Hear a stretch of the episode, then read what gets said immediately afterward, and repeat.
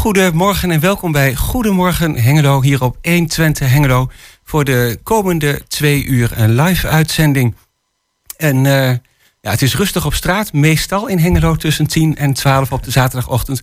Maar in de studio is het uh, gezellig druk en hier zit een uh, Germen Hilbrink, Jos Klasinski, Eddie Pardijs, Chris van Pelt en mijn naam is Jan-Dirk Beltman. Goedemorgen Jan-Dirk. Uh, we hebben weer een vol programma, zeker in het eerste uur. We hebben al een, uh, een schrijver uitgenodigd, Noui Boenjak. Uh, de spelling laat ik nog heel eventjes voor wat het is. En, maar goed, die heeft heel veel te vertellen. Die is tussen 2010 en 2016 heeft hij, ja, is hij gewoon naar China gegaan. En waarom die is gegaan en wat hij er allemaal beleefd heeft... daar gaan we straks uitgebreid over praten. Ja, en dan is 24 uur per per etmaal zeg maar, de luisterlijn bereikbaar voor iedereen die iets wil vertellen. Iets kwijt wil op een anonieme manier. En uh, deze luisterlijn zoekt uiteraard nog vrijwilligers. En daarover gaan we praten met onze gast uh, Marielle Hansje. Ja, en dan komt naar de studio Ruben. En hij is uh, actief bij het Springkussen Festival. En dat is vanmiddag in de sporthal van de OSG. Hij zal er van alles over vertellen. Ja, en dan hebben we natuurlijk onze vaste rubriek, de bibliotheekagenda. En deze keer gaan we praten met Ingeborg Wind... met wat er deze week in de bibliotheek allemaal te doen is. Klopt. En dan hebben we natuurlijk nog het tweede uur. Daarover vertellen we later meer. En we starten met een plaatje en dat heet Give My Life. I give my life. Give my life, give my life, give my life to be in the book of love. Give my life, give my life, give my life to I go, when I go, when I go, come see my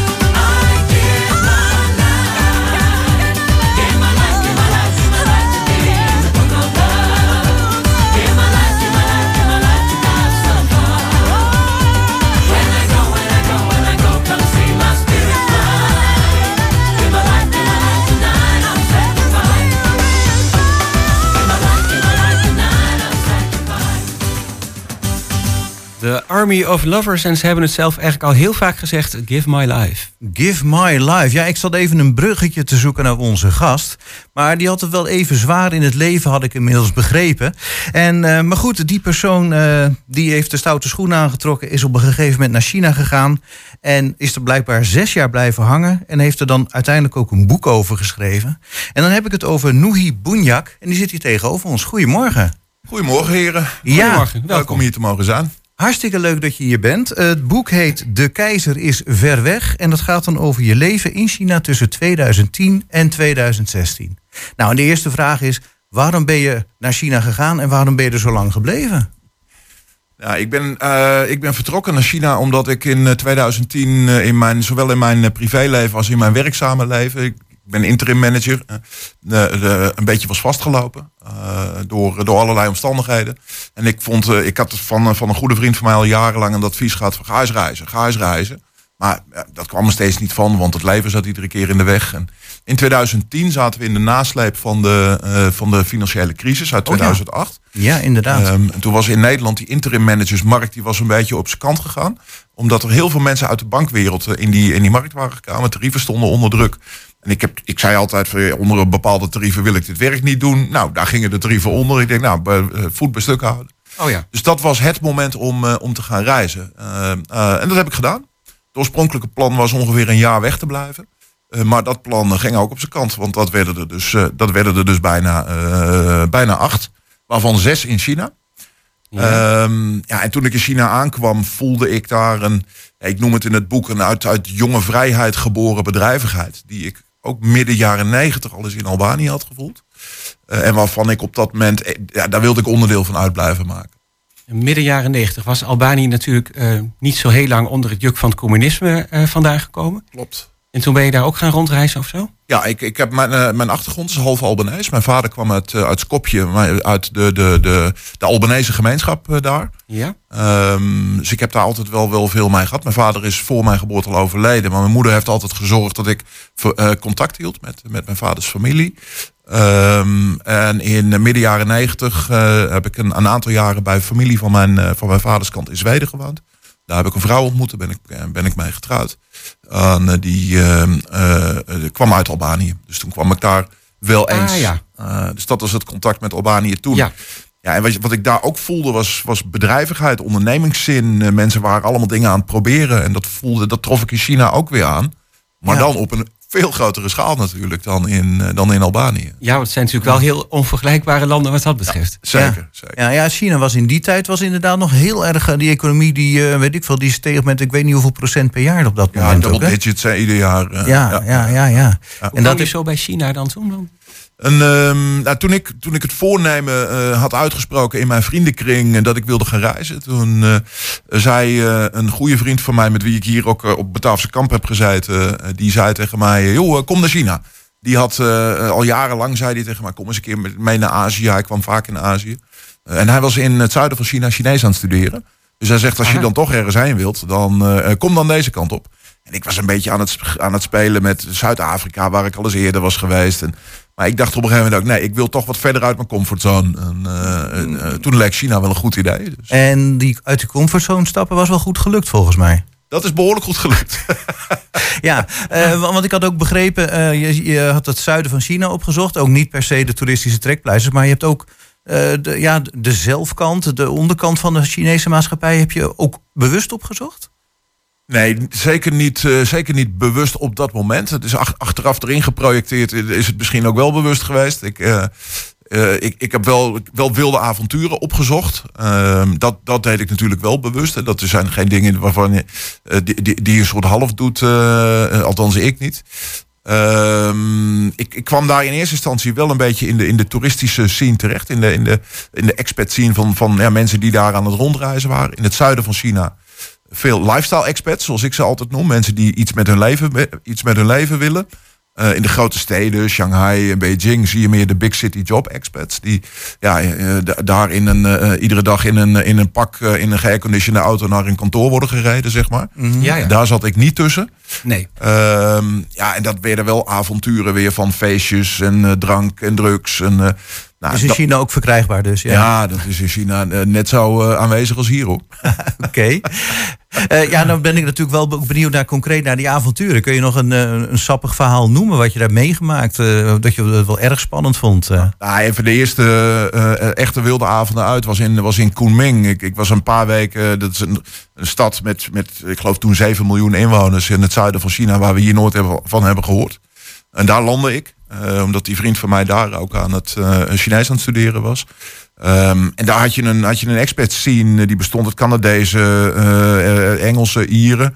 Uh, daar kwam ik, kwam ik in terecht en die hadden een speakeasy ergens.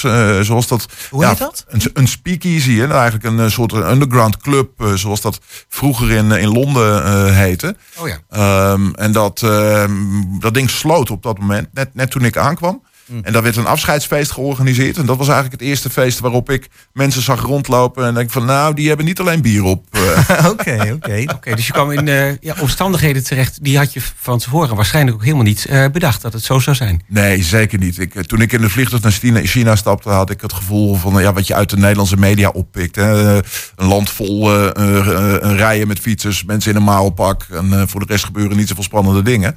Uh, omdat het allemaal onder communistische repressie zit. Nou, niets verder dan uh, van de waarheid uh, trof ik aan.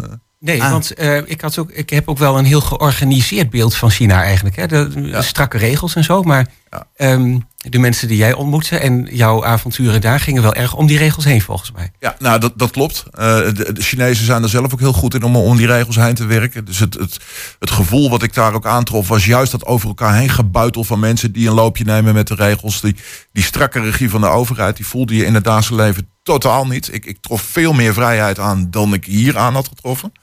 Ik zeg altijd, ik maak altijd grapjes. Hier als je je huis groen wilt schilderen, moet je vergunning vragen. Daar niet hoor. Oh ja, dus ja, ja, in, het, in het alledaagse leven kom je die overheid gewoon niet zo heel veel tegen. En vandaar ook die titel, De keizer is ver weg? Ja, zeker. Dat is, de, in, in, het, in het zuiden van China is dat een spreekwoord.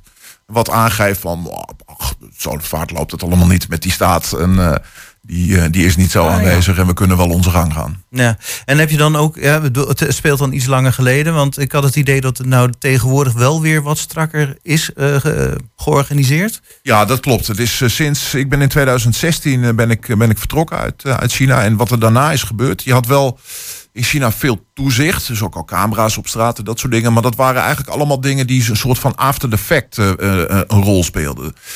Ik had op een gegeven moment in, in, in, in Chengdu, een andere stad, had ik een restaurantje. Er werkten een aantal jongens bij mij. En een van die jongens, zijn brommer werd gestolen. En toen kwamen we bij, bij, de, bij het lokale politiekantoor. Uh, en toen werden we een, een zaal ingetrouwd waar alle schermen hingen. Waar de camerabeelden op terug te vinden waren. Nou, toen hadden we heel snel hadden we beelden gevonden van de, de brommer die gestolen werd. Oké. Dus dat was een soort van achteraf toezicht. En wat er de afgelopen jaren is gebeurd, is dat dat ook weer naar een soort vooraf toezicht is gegaan. De combinatie van het, zeg maar, het toezicht op straat en het toezicht online is gecombineerd geraakt door, gezichts, uh, door gezichtsherkenning. Uh, en dat is wel oh, heel ja. eng, zeg maar. Ja, dus die ja. twee werelden, online offline, zij komen door gezichtsherkenning en door mobiele telefoons eigenlijk bij elkaar. Ja, precies. Uh, en dat maakt het toezicht veel effectiever en veel, veel ingrijpender in het leven van alle dag. Ja, dus stel dat je nou nu zou teruggaan en weer voor een jaar daar zo rondlopen, dan zou je waarschijnlijk een heel ander beeld zien. Ja, zeker. Ja. Ben je dat ook van plan? Ja. Um, nou, ik, ik weet niet uh, of ik het land nog weer in mag. Uh. oh. Om, wat, wat, is de belangrijkste reden waarom we niet zou mogen, denk ik dan? Ja, ik ben in januari 2016 uh, vriendelijk verzocht om het land te verlaten. Want ik had een potje gemaakt van mijn verblijfsvergunning. Um, ik zat uh, duizend kilometer vandaan, was ik aan het ondernemen bij waar die verblijfsvergunning gevestigd was, zeg maar. Uh, en door allerlei omstandigheden dacht ik dat ik het me wel kon veroorloven om dat, uh, nou ja, even wat later te doen dan eigenlijk moest. En daarvan dacht de Chinese overheid, nou nee. Niet helemaal. Nee, nee, de keizer okay. is ver weg, maar ook niet zo niet ver weg. Niet zo ver weg, nee, precies. ja. Nu vroeg ik me eigenlijk af, hoe ben je daar naartoe gegaan? Nam je een rugzak mee of zo? Ja. Had je plannen om daar ja, bij, bij, bij kennissen te overnachten? Of... Nee, ik ben echt met de rugzak gegaan. Ik heb een tussenstopje gemaakt in het Midden-Oosten de eerste twee weken. Want ik kwam best wel uit een, uit een vond ik zelf, uit een soort van uh, uh, drukke situatie met werk en, en privéomstandigheden. Die, wat, wat allemaal niet goed ging. Dus ik wilde eigenlijk even ademhalen. Een vriend van mij, ook uit Hengelo trouwens, die woonde in Qatar, in Doha op dat moment. daar ben ik twee weken geweest om nou, eigenlijk een beetje, een beetje te, ja, een beetje te landen. En toen ben ik vandaag af doorgevlogen naar, naar China met een rugzak. Ik kwam aan in Kunming. Uh, mijn, mijn, mijn, mijn, vriend die daar Chinees studeerde, die, die wachtte mij daar op op het vliegveld. En, mijn eerste week in Kunming zat ik in een hostel, een van de bekendste hostels in die stad. Midden in de stad. En van daaruit ben ik, ben ik eigenlijk toertjes gaan doen. het eerste nou, half jaar daar, een mm. weekje hier, een paar dagen daar. Maar ik kwam wel weer iedere keer terug in Kunming. Ja, ja. Dus dat, werd, een soort thuisbasis. Dat werd een soort thuisbasis. En uiteindelijk heb ik ook in die zomer, dat, we hebben het over 2010, eh, samen met iemand uh, die, die daar een job deed voor de Nederlandse overheid. Hebben we rondom de WK voetbal hebben we daar allerlei feestjes georganiseerd voor Nederlanders daar in de buurt. En, uh, dus dat werd ook wel meteen weer een dingetje. Zeg maar. ja. Oh ja, en een restaurantje begonnen, zei je? Ja, je zei het zo tussen neus en lippen door. maar je bent wel aan het ondernemen gegaan blijkbaij. Ja, ik heb het eerste half jaar echt alleen maar uh, gereisd. Uh, mooie dingen gaan zien en avonturen beleefd. En toen ben ik eigenlijk in het najaar van, in, nee, in het late najaar van 2010 ben ik in uh, Dali terechtgekomen. dat is een stadje in het noordwesten van Yunnan, waar heel veel backpackers wel naartoe komen. en daar kwam ik in een guesthouse. en toen leerde ik iemand kennen, een Ier. wij konden het zo goed vinden met elkaar. Hij, hij runde dat, daar een guesthouse zei ik, joh, kom, uh, kom hier een tijdje werken. Nou, daar was ik eigenlijk wel aan toe, want ik was dat leven uit mijn rugzak inmiddels wel een beetje zat. Nou, een tijdje hier, dat leek me wel wat. Nou, en van daaruit is zeg maar het werken en, en, en ondernemen weer begonnen omdat ik ook wel weer wat te doen zocht. Uh, ja, ja, en ik kan me voorstellen dat je ook geld nodig had op een gegeven moment. Of viel dat dan mee? nou, ik had wel wat reserves. En die gingen, die gingen wat later, wat, wat verderop in het, in het avontuur, raakten die op. Ja, oké. Heb je Chinees geleerd in die tijd? Ja, ik heb het uh, redelijk geleerd. Um, wel op het niveau van een praatje maken, zo me kunnen redden in het openbare leven. Het is niet zo dat ik een gesprek als dit in het Chinees, uh, dat heb ik nooit kunnen voeren. En lezen? Uh, kranten? nee, ik heb, je, als je Chinees gaat leren, dan moet je kiezen of, of je gaat er echt voor. En dan moet je karakters gaan leren. Ja. maar dan maak je bosman nat. Uh, ik heb in die jaren ook een jonge Nederlander ontmoet. Die was 40 uur in de week aan het studeren. En die heeft er twee jaar over gedaan om nou, dan echt uh, goed Chinees te leren. Maar dat is dus echt. Ja, het is heel intensief. Dus. Heel intensief studeren. Hmm. En dan moet je het ook daarna nog bijhouden ook. Want die karakters, die zijn wij zo weer. Als je die op latere leeftijd leert, dan ben je ze ook zo weer vergeten. Ja, oh, ja. ja. Ik ben natuurlijk niet uh, deskundig, maar ik vind ze ook allemaal op elkaar lijken. Ja, nee, dat is, echt, ja. nee, dat is heel moeilijk. En van de cultuur, je hebt rondgereisd. Je, ja, je zat natuurlijk in een omgeving met veel buitenlanders, maar ook met veel Chinezen. Ja, naarmate ik langer in China bleef, leerde ik natuurlijk ook meer Chinezen kennen. Toen ik ging ondernemen had ik ook personeel nodig. Dus ik kreeg ik ook Chinezen die voor mij gingen werken en met mij gingen werken. Um, als buitenlander in China, dan raak je wel eerst in cultuurshock. Want het is echt wel, echt wel heel anders dan wij gewend zijn. De, de persoonlijke ruimte van. Uh, de, de opvatting over persoonlijke ruimte is in China wat anders dan hier. En mensen ra maar raak je heel makkelijk aan en staan bovenop je. En uh, als je in lokale bussen zit, die, dan gaan mensen gewoon bij op schoot liggen slapen.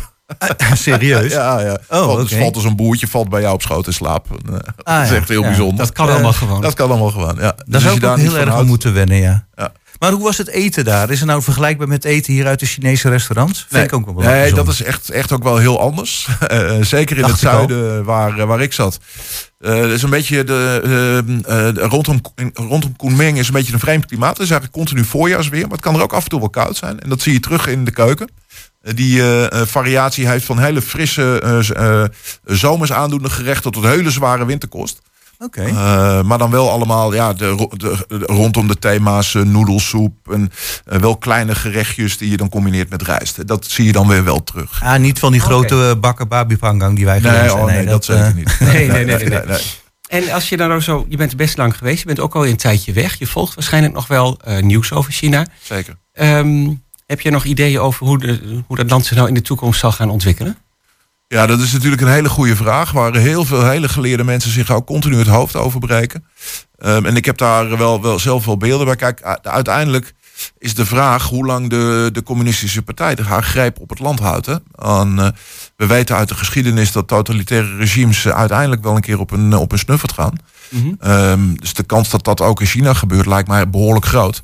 Maar ja, maar wanneer, en hoe? Uh, we hebben natuurlijk eind vorig jaar rondom COVID is het best even spannend geweest. Hè? In die, uh, er zijn protesten geweest. Daar heeft, heeft de CCP wel weer laten zien dat ze ook in de moderne tijd toch wel weer heel kundig zijn in het, in het onderdrukken van die protesten. Want ze hebben dat anders gedaan dan in 89. Hè? Toen zijn ze er bovenop gesprongen. Nu hebben ze eigenlijk een beetje ingeveerd.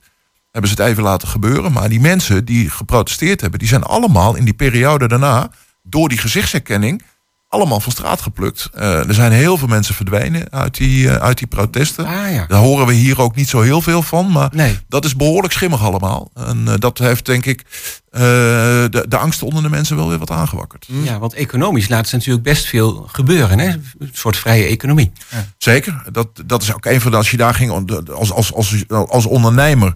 kon je daar eigenlijk behoorlijk je gang gaan. Mm. ik, ik ging in Chengdu dat restaurant openen moest ik me melden bij de Belastingdienst. En de lokale Belastingdienst die zei: joh, ga eerst maar geld verdienen, kom daarna maar terug.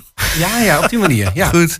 Ja, we, we, kunnen zo het uur helemaal vol praten volgens mij, maar we moeten helaas verder. Uh, ik heb hier dus het boek in mijn handen. De keizer is ver weg. Nuhi Bunjak en Nick de Jager. Laten we die ja. ook niet vergeten. Dat is een journalist die heeft je geholpen met de structuur in het boek aan te brengen. Ja. Uh, de wilde avonturen in het zuiden van China. Um, je had nog wel een kleine aanbieding, hè? Ja, dat klopt. Uh, ik vind het wel leuk om voor de luisteraars van 120 aan te bieden dat ze als ze een mailtje sturen naar, naar jullie redactie uh, met, uh, met hun gegevens, zorg ik ervoor dat ze tegen een gereduceerd tarief van 20 euro een, een boek bij mij kunnen kopen rechtstreeks. En dan schrijf ik er een mooie opgave in. Nou, dat is wel heel mooi. leuk. En dan kan het mailtje gestuurd worden naar goedemorgenhengelo.120.nl. Ja, en zet dan inderdaad heel duidelijk naam, adres, et cetera erbij. Ja. Gaan we, dan ga jij zorgen dat het boek uh, terechtkomt, dat we dat netjes opsturen. Ja, ja zeker. Je zei dat kan nog de hele maand februari en maart 2023. Ja, zeker. Mailtje naar uh, goedemorgenhengelo.120.nl. Noei Boenjak, hartstikke bedankt dat je in de studio bent gekomen. Nog even voor de volledigheid. Je hebt het over heel veel buitenland gehad, maar je bent hier ook, uh, je hebt je middelbare schooltijd in Hengelo gehad. en je woont zeker. ook in Hengelo. dus we hadden een lokale schrijver in de uitzending. Dat nog even voor de goede orde. Dankjewel. Heel leuk, dankjewel. Dank jullie wel.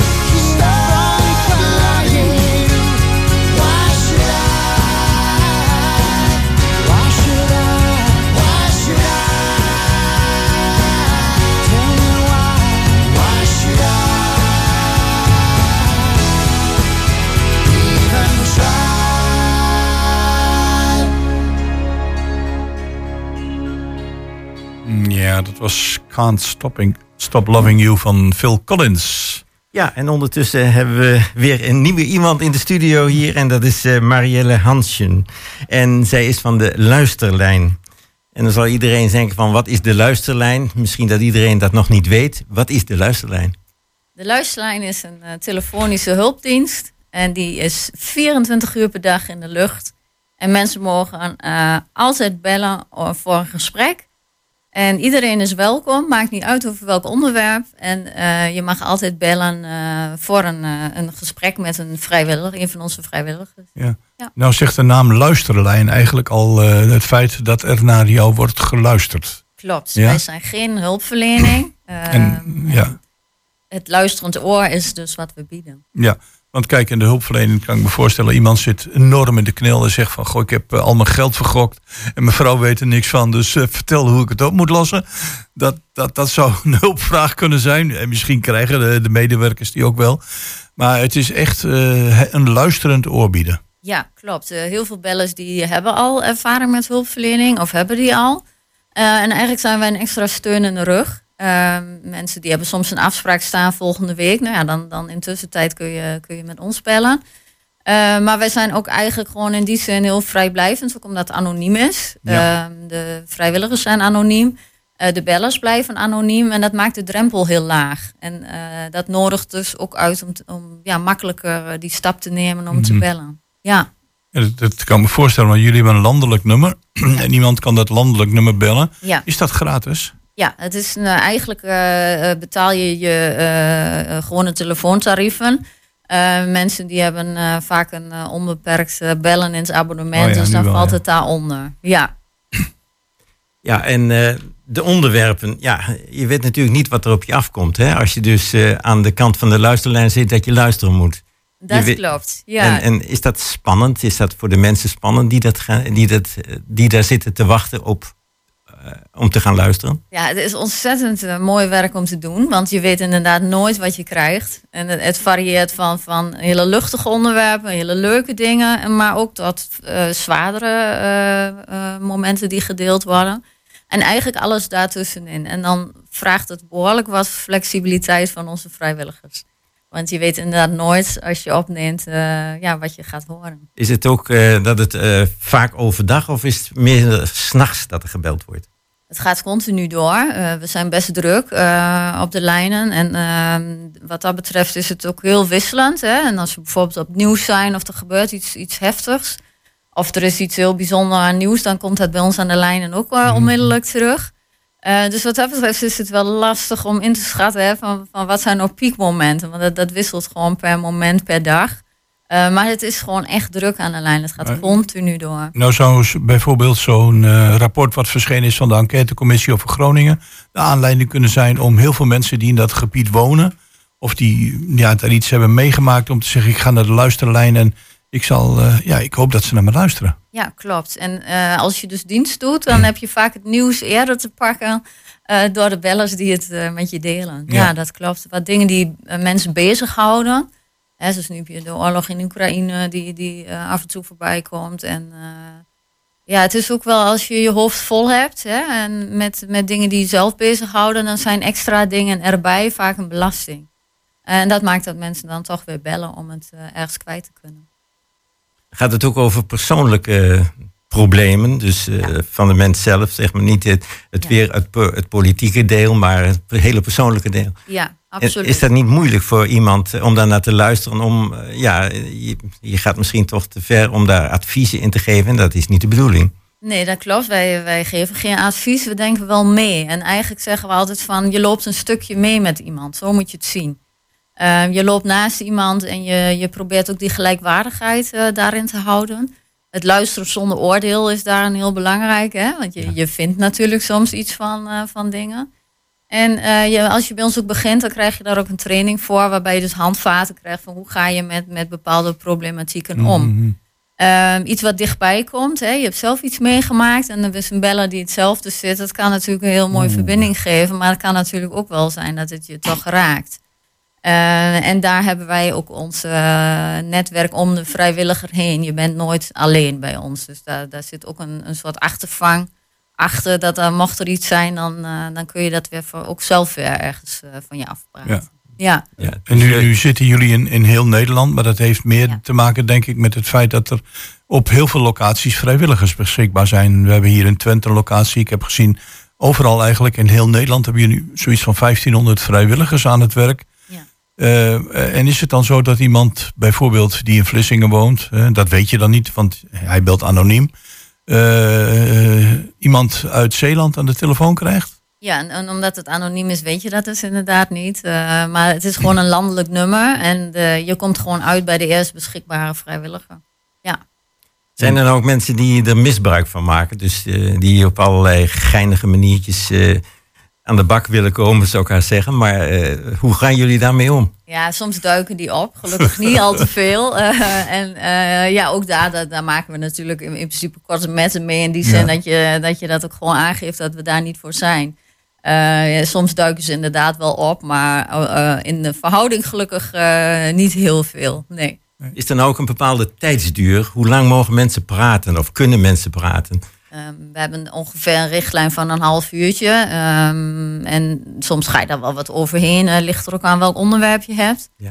Eh, maar je hebt ook bellers die bellen, eh, bijvoorbeeld 's ochtends om op te staan. En die zijn heel vrolijk van, ja, ik, ik pak een kop koffie, ik ga zo naar de markt en fijne dag verder. Dus dan ben je met vijf minuten, is diegene al klaar. Hè? Dus daar zit ons ook daar ontzettend flexibel. He- Heeft dat dan ook te maken met mensen die eenzaam zijn? Ook, ja, in wezen wel. Eh, ieder gesprek linkt natuurlijk aan, aan, aan een bepaalde vorm wel van eenzaamheid. Hè? Want je kunt het niet kwijt in je omgeving of je hebt te weinig netwerk. Of, eh, maar er zit ook een stukje in dat ehm, eh, soms mensen in de omgeving het lastig vinden. Hè? Ik denk bijvoorbeeld als je ziek bent geweest, bijvoorbeeld kankerpatiënten.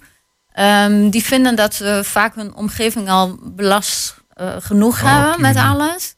Ehm, plus als je bijvoorbeeld beter bent verklaard, dan is het heel, eh, ja, dan ben je beter. Maar ja, het zit natuurlijk nog een heel stuk wat daarna komt en ook je psychische verwerking. En dan is het heel mooi als je dus belt en, en het met iemand anoniem kunt bespreken, zonder dat je het gevoel hebt van eh, ik belast mijn familie bijvoorbeeld er weer mee. Ja. Ja. Nu eh, hebben jullie, zijn jullie altijd al op zoek naar vrijwilligers die een luisterend oor willen bieden. Je bent zelf een trainer, coördinator. Ja. Eh, is het dan zo dat iemand die zegt van nou ik wil daar wel een bepaalde tijd van de week aan besteden. eh, moet hij een aantal basisvaardigheden hebben om hier aan te kunnen schuiven bij jullie? Ehm, nou, in principe, eh, als je, we zeggen, tijd in je agenda en ruimte in je hoofd en je handen hebt, ben je van harte welkom om je aan te melden via onze website. Daar staat een aanmeldformulier. Eh, het is wel zo dat het eh, eh, om vier uur in de week gaat, dus het is eigenlijk ja, toch wel snel een dagdeel hè, wat je Ja. dan kwijt bent. Daarnaast volg je zes keer intervisie per jaar, dus dat is ook nog iets waar je tijd voor dan? moet ja. hebben. Ja. Ja, en omdat onze lijn 24 uur in de lucht is, zit daar dus ook een stuk nacht bij. Eén keer in de maand. En dat is iets waar je goed over na moet denken als je aan dit vrijwilligerswerk begint. Ja, want eh, wil ik wel eh, een, een luisterend oor bieden. En er is een, een maximum van vier uur eh, dat je aan één stuk moet, af mag werken. Ja, dus vier uur en dan wat weggewisseld. En, en zo'n training, bestaat dat uit van leren, luisteren, ja, en dan niet direct advies of raad geven, maar leren luisteren, want dat is een vak apart, hè? Ja, ik zeg altijd, mensen die bij ons komen, die hebben vaak een heel groot sociaal hart. En vaak ook die achtergrond anders, hè? met hun werk. eh, de meeste zijn gepensioneerde mensen die dan bij ons eh, vrijwilligerswerk komen doen. Ehm, en dan moet je vooral dingen afleren. Hè, je bent heel snel geneigd in die rol die je toen had om hulp te bieden, om je, hè, je, je mouwen op te stroven. Mhm, mhm. En eh, hier is dat dus helemaal niet van toepassing. Eh, dus je leert vaak wat af. En in de training eh, heb je daar natuurlijk ook over met elkaar. En krijg je ook de nodige eh, ideeën. Hè? En, en je gaat natuurlijk met het werk meedoen. Dus daar, daar gebeurt ook van alles wat je dan bezighoudt. Dus dat is wel een intensieve periode die vaak hele mooie inzichten met zich meebrengt. ik vraag me af hoe moeilijk het is voor een medewerker van jullie kant om anoniem te blijven. Eh, nou, in principe ben ik natuurlijk niet anoniem. Hè. Ik, eh, ik ben te vinden en eh, Ja. dus dat is ook niet zo belangrijk. Maar het is wel voor de, vrijwilligers en, en, en de bellers belangrijk. Ja. Ehm, want ja, die, die, je moet durven bellen, zeg ik altijd. Hè? Dus, dus pak die telefoon en, en, en ga het eens uitproberen, zou ik zeggen. Ehm, en je treft dan een warme persoonlijkheid aan de andere kant van de lijn. En dat maakt die drempel ook weer laag. En dan doet het er uiteindelijk niet toe eh, wie dat is. En dat is ook heel bijzonder aan de lijn. Als je dan opneemt, goedemorgen met de luisterlijn. Die ander die vertelt gewoon. En Ja. de naam is, is helemaal niet belangrijk. Maar nu krijg je iemand aan de, aan de lijn, zeg maar, die eh, toch met hele moeilijke, zwaar gevallen zit en zo. Je moet daar wel tegen kunnen. En zeker als je daar midden in de nacht zit en ja, je zit er alleen mee, dan eh, kun je dat verwerken. Ja, dat klopt. En eh, daar, daar zijn we natuurlijk ook, ja, brengen we onder aandacht van hoe ga je daarmee om. Ehm, en het feit dat je nooit alleen bent, maakt toch wel dat je het, het gevoel hebt van, eh, nou, ik kan dit, kan dit wel, eh, wel aan. Ja, ja. En je Ehm. kunt met, eh, met je mede-collega's kun je Ja, het, het even nabespreken, bij wijze van Ja. spreken. Dat je Ja. niet mee naar huis neemt, bij wijze nee, dat klopt. Dat, dat is niet, Dat de, niet de bedoeling. bedoeling, hè? Nee, Nee. nee, precies. En dat, daar moet je ook kijken als iemand zich aanmeldt van, goh, ben je daar geschikt voor, kun je dat? Precies. Ja, Ja, als eh, mensen die op dit moment aan het luisteren zijn zeggen van eh, ik, het lijkt me wel wat, ik zou in ieder geval een gesprek aan willen gaan eh, met bijvoorbeeld jou of een andere coördinator, dan kunnen ze gaan naar de website van de luisterlijn ja klopt. en daar staat een contactformulier dat kan ingevuld worden en jullie Ja. nemen dan contact op met die, met die persoon Ja. om te kijken of het voor haar of voor hem iets is. Ja, precies. Ja, Nou, het lijkt me een, eh, ja, laten we zeggen, heel boeiend om veel te mogen luisteren. Met name dat, dat laatste. Want ja, in onze maatschappij ontbreekt het daar nog wel eens aan. Een luisterend oor vinden. Dus eh, luisterlijn.nl. Marielle, bedankt voor je komst naar de studio. Succes met, eh, met de organisatie. En ik hoop dat er een aantal vrijwilligers bij komen. Die net zoals eh, jij en al die andere 1500 vrijwilligers 24 uur per dag een luisterend oor willen vormen. Bedankt.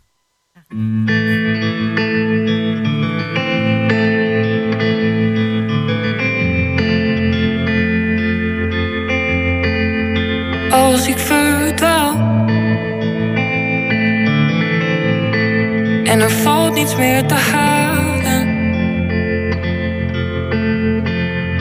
Vang je me op. Zelfs met troosteloze tranen. Je ziet me, je troost me, je viert me. En ik weet niet waarom.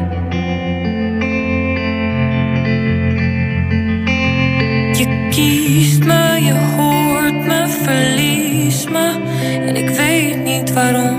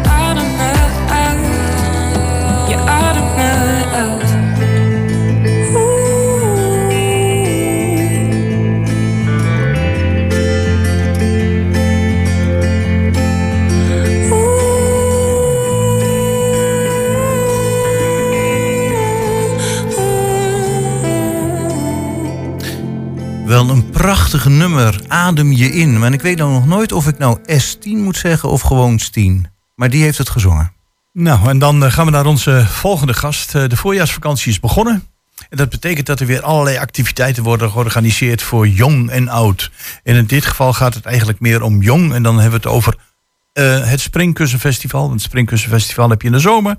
Dat vond eh, of vindt op het eh, Marktplein plaats. Maar we hebben ook aan het begin van de voorjaarsvakantie het Springkussenfestival. En dat vraagt om een toelichting. En daarvoor hebben we in de studio uitgenodigd Ruben Bijker. Goedemorgen. Goedemorgen. Ja, het lijkt me geweldig de hele dag op van die springkussens, of niet? Ja, het is natuurlijk hartstikke leuk. Ook voor ons, wij begeleiden het daar. Ehm, alle kinderen die hebben altijd hartstikke veel plezier. Eh, Mhm. Wij hebben dit ehm, georganiseerd omdat eh, in de meivakantie en zomervakantie hebben we altijd vakantiespelen. En wij besloten, omdat we in dit, deze vakantie geen vakantiespelen hebben, om toch nog iets te organiseren voor kinderen. Ehm, zodat ze wat kunnen doen. En zodat ze met blijheid op school komen en wat kunnen vertellen over hun vakantie. Je hebt het over wij en ons. Wie zijn dat? Dat eh, zijn de kinderen van de basisschool. Ja? Die eh, tussen 4 en 12 jaar ongeveer. Die komen dan ehm, daarheen omdat ze dan niet op vakantie gaan. Met redenen zoals dat de ouders dat niet willen. Of dat ze misschien niet genoeg geld hebben. Daardoor organiseren wij dit. En wie, maar de, de organisatie bedoel ik. Eh, Je, en je hebt het over ons en wij. En je bent, neem ik aan, niet alleen. Eh, wie zit er achter de organisatie? Eh, nou, ehm, de leider van de organisatie is ehm, meneer Errol Herder. Dat dacht ik al, ja. Ja, ja, ja. ja. dat is Ja, eh, heel duidelijk. Maar al wil de jeugd in beweging krijgen. Ja. Ja. Nee, je noemde net in het voorgesprek de feestbouwer. Alleen die naam die gebruiken jullie niet in het openbaar. Hè? Maar dat is Nee. de organisatie, toch? Soort, ja, eigenlijk wel. Ehm wij zeggen zelf heel vaak eh, echt wel de vakantie spelen. Dat daar heel veel. Alleen de feestbouwer staat, komt er ook nog wel eens langs. Ja, oké. nou goed, het zijn eigenlijk dezelfde mensen die ook de vakantiespelen doen. Ja. Daar komt het op neer. En jij Meestal. bent er dan één van? Met hoeveel, z'n hoeveel zijn jullie dan eigenlijk? Eh, dat verschilt echt eh, per keer. We hebben een eh, groepsapp. En daar wordt dan gevraagd wie kan daarmee helpen. Dat gebeurde hier dus ook. En ehm ligt eraan hoeveel mensen de antwoorden. We kunnen met één dag met ehm, vijf mensen zijn en de andere met twaalf. Oké, maar jij bent dan een van de vaste kern. Je bent er altijd bij, bij de organisatie? Ik ben er wel vaak bij. Ja, ja dat idee kreeg ik al. Ja, ik, Heel goed van je trouwens.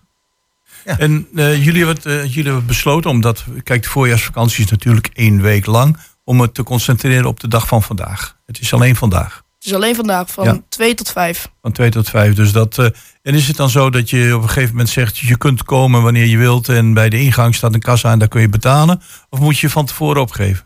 Nee, nee, je kan echt wel komen rond half drie, drie uur. Dat kan nog wel. En dan betalen voor ehm, bij de kassa.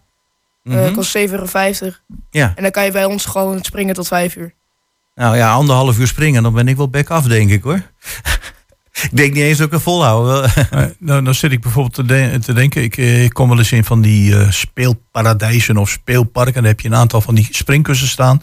En wat je dan ziet is dat kinderen, die vermaken zich uitstekend op zo'n springkussen. En er staan er altijd een heleboel te wachten. Hebben, hebben jullie dat, een- hoeveel van die springkussens hebben jullie? Zodat iedereen regelmatig aan de beurt komt. We hebben er elf staan. Elf. Oké. Elf. Wauw. En, en zijn er nog bijzondere modellen bij? Ik heb gisteren nog een paar Ja. foto's gezien. Je hebt een heleboel verschillende modellen. We hebben natuurlijk eh, een paar ehm, normale springkussens. Ehm, we hebben ook een paar die zich afsluiten, waar je echt in moet kruipen. En dan heb je een soort dichte ruimte. Oké. En ehm, we hebben ook een eh, klimtoren. Dus dan kan je er gewoon op klimmen. En eigenlijk nog heel veel meer. Het is, er zijn heel veel verschillende springkussens. Dus het eh, wordt echt een heel erg, heel erg leuke dag. Ja, nou, ehm, dan zit ik altijd te denken van, eh, ik heb kinderen ge- gehad, die zijn ondertussen geen kind meer. Eh, toen ze tussen een jaar of, nou wat zal het weten, zes, eh, tien, eh, nou, toen deden ze springkussens. Eh, maar stel dat je nou eh 15, 16 bent, eh, is dat dan ook nog leuk om te springen? Maar het ligt heel erg aan de persoon, hè? Ja, maar dat mag wel. hè. Ik bedoel, en ik ben 57, mag ik dan ook nog komen springen? Eh, doe maar niet, joh. De bedoeling. Nee, toch niet? het is, we kunnen misschien wel een eh, afspraak maken, een uitzondering maken. Ah, oké. Nou, dat doen we dan na de uitzending wel Ik zie hier eh, bij, bij de aankondiging staan dat jullie met tien springkussens, of elf in dit geval, sumo worstelen. En dan staat Ja. erbij een opblaas ranjaku of een ranjaku. Ja, een Vertel. ranjaku. Ja, dat, dat is Een eh, ranjaku. een Wat is dat? geweldig ding, moet ik heel eerlijk zeggen. Dat Ja? is dus een eh, opblaaskoe. Ja? En die heeft dus uiers. Ja. En eh, daar kan je dus ranje uithalen. Uit die Vandaar, uiers. ik denk, wat is dat voor een exotische naam? Maar dat is Ja, koe met ranja. ja het is eh, echt... eh, daar moeten wij ook altijd om lachen bij ons. Ja. Dus Wauw, mooi dat jullie dat ook doen. Ja, ja, ja, zeker. En kun je er dan ook nog op die koe springen of dat dan weer niet? Nee, nee dat is dan weer net niet de bedoeling. Oké, heel gelukkig. Ja, en eh, moeten, kijk, ik kan me voorstellen dat, dat, dat kindertjes komen van, je hebt een bepaalde leeftijd aangegeven. Ja. Eh, ja, nou heb je twee kinderen en eentje valt net buiten die leeftijd. Zijn jullie dan heel streng? Nee. Ja, ik bedoel, eh, dat... Als eh, iemand eh drieënhalf is, terwijl die vier moet zijn, dat, daar kunnen wij ook gewoon op letten. Dus eh, daar zijn we echt niet zo... Dus, dus continu... moeten de ouders erbij blijven? Goeie vraag. Of eh, Ehm. is het zo van, hier heb je mijn vier kinderen, hier heb je vier keer 7,50 euro, zoek het maar uit. Nou, wij zijn natuurlijk met best veel man om te begeleiden daar. Dus Mhm. ehm, het is mogelijk om erbij te blijven, maar dat hoeft niet. Dat hoeft niet. Nee. En dan eh, het kinderen, eh, je laat een mobiele telefoon achter. Van als er wat met die kinderen gebeurt, dat die ouders dan ingelicht kunnen worden. Maar we gaan ervan uit dat het één groot feest wordt. Ja, natuurlijk. Eh, de locatie. Eh, OSG, de sporthal van de OSG aan de Deurningenstraat. Hè, dat is uh, Bataafse Lyceum, als ik het goed heb. Nee, dat is eh, Montessori College. Oh, Montessori. College. Oh ja, ja, inderdaad. En Bataafs, we delen sommige sporthal- sporthallen. Ja, precies. Ja, want daar heeft mijn dochter gezeten vandaar. Ah, En eh, het staat ook groot aangegeven vandaag, dat eh, mensen dat kunnen vinden. ehm, ja, redelijk wel. Er staat ook, ehm, is ook een eh, poster met eh, alle informatie erop. Ja, Dus, het is, een, eh, eh, het is een, een beetje een lastige rotonde daar bij Ja, de ingang. dus eh, Dus waar als je de alleen verkeerde wanneer je- afslag neemt, dan eh, moet je nog een keer rondrijden. Maar vanmiddag om twee uur begint het. Ja, en ik zit natuurlijk op Montessori ook. Ja. En ik kan weten, wanneer je op die rotonde zit, dan eh, zie je die enorme school echt wel. En dan weet ze ook echt wel waar ze heen moeten. Ik denk dat we het dan wel kunnen vinden hoor. Ja, daarom. Helemaal te gek. Dus heb je kinderen in de leeftijd die aangegeven is en je wilt ze laten springen, genieten van 2 tot 5, zou ik zeggen, kom vanmiddag naar het Springkussenfestival aan het OSC Montessori aan de Deurningenstraat. En je, ja, 7,50 euro, waar hebben we het over? Middaglang lol. Daarom. Ruben, bedankt voor je komst. Geen probleem. Succes met de laatste loodjes. En eh, ik weet niet of Errol daar aanwezig is. Absoluut. Ja. Maar namens het team van eh 120 Radio Hengelo, doe hem de groeten. Zou ik zeker doen. Nee, dankjewel. En dan gaan wij ondertussen meteen door naar de bibliotheek. Maar onze technicus is heel druk aan het bellen. Eens even kijken of we die te pakken kunnen krijgen. En anders wachten we nog heel eventjes. Ehm, kan ik misschien nog een heel klein vraagje stellen? Je bent er nou toch nog. Eh, Wat gaan we, eh, het geld, die 750, wat gaat er met het geld gebeuren? Gaat dat nog naar een goed doel of is dat gewoon voor de vereniging? Nou, dat is ehm, echt wel gewoon voor de vereniging. Wij, ehm, door die organisatie kost natuurlijk heel veel geld. Eh, Mhm. de springers kost heel veel geld. En ehm, ja, het moet echt wel een manier zijn om nog een beetje te Ja. verdienen. Nou ja, precies. Een organisatie heeft ook gewoon geld nodig. Daarom. Ruben Breiker, nogmaals bedankt. Ehm, volgens mij moeten we niet naar de, eh, eh, naar de bibliotheek. Dan gaan wij eens even kijken. We hebben nog wel een mededeling. Eh, er is vanavond, nee vanavond, vanmiddag om een uur of twee... worden er drie driedimensionale beelden onthuld bij het stadhuis. Eh, om een uur of twee, dat wordt gedaan door... Nou moet ik even spieken. Kan je me even helpen, Jos? Weet je dat zo? Ik dacht dat dat eh Pier van Dijk was. Ehm, ja, hier heb ik hem. Eh, de opening vindt plaats door wethouder Marie-José Ja. Luttikholt. Eh, dat is aan de Delnerenstraat naast de nieuwbouw. Straks om een uur of twee. En daar worden dan kunstwerken onthuld door Pier, of die gemaakt zijn door Pier van Dijk, Peter Hogers en Ben Schildskamp. En het is georganiseerd door de stichting Hartpool. En ehm, realisatie van dit project is mede mogelijk gemaakt door het Stimuleringsfonds, moet ik het wel goed zeggen, Stimuleringsfonds Beeldende Kunst en Vormgeving van de gemeente Hengelo. Dus dat straks om een uur of twee. Ja, en we eh, proberen eh, aan de telefoon Nee. te krijgen Ingeborg Wind, eh, onze vaste medewerker van de bibliotheek. Dat lukt op dit moment niet. Ik zijn nog wel een paar zaken waar ik op wil wijzen. En dat is op dinsdag eh, 28 februari heb je het zogenaamde Biep College. En dat Wiep College wordt in dit geval gegeven door niemand minder dan Herman Pleij, een, eh, een van de vaste gasten in eh, het vroegere programma eh, De Wereld Draait Door. Je moet je dan wel aanmelden, aanmelden het, eh, 7,50 euro, maar zeker de moeite waard. Dat is dinsdag 28 februari. Kun je daar, kun je daar aanschuiven. En verder is het zo dat er is onder andere vandaag een creatieve workshop in de bibliotheek waarbij je je eigen neonlamp mag maken. En dat is voor de doelgroep tussen de 10 en de 14 eh, jaar. Maar je weet, in de bibliotheek hier in Hengelo is altijd van alles te doen. Dus eh, je kunt eh, aanschuiven. En als je op een gegeven moment zegt van... ik wil eens kijken hoe radio gemaakt wordt... dan ga je bij ons voor de ramen staan van 120. En dan kun je naar binnen kijken. En dan zie je onder andere Ruben daar nog steeds zitten achter de microfoon. Ja, er is dus eh, van alles te doen. Woensdag 1 maart, ja, heel bijzonders. Een Mama Café.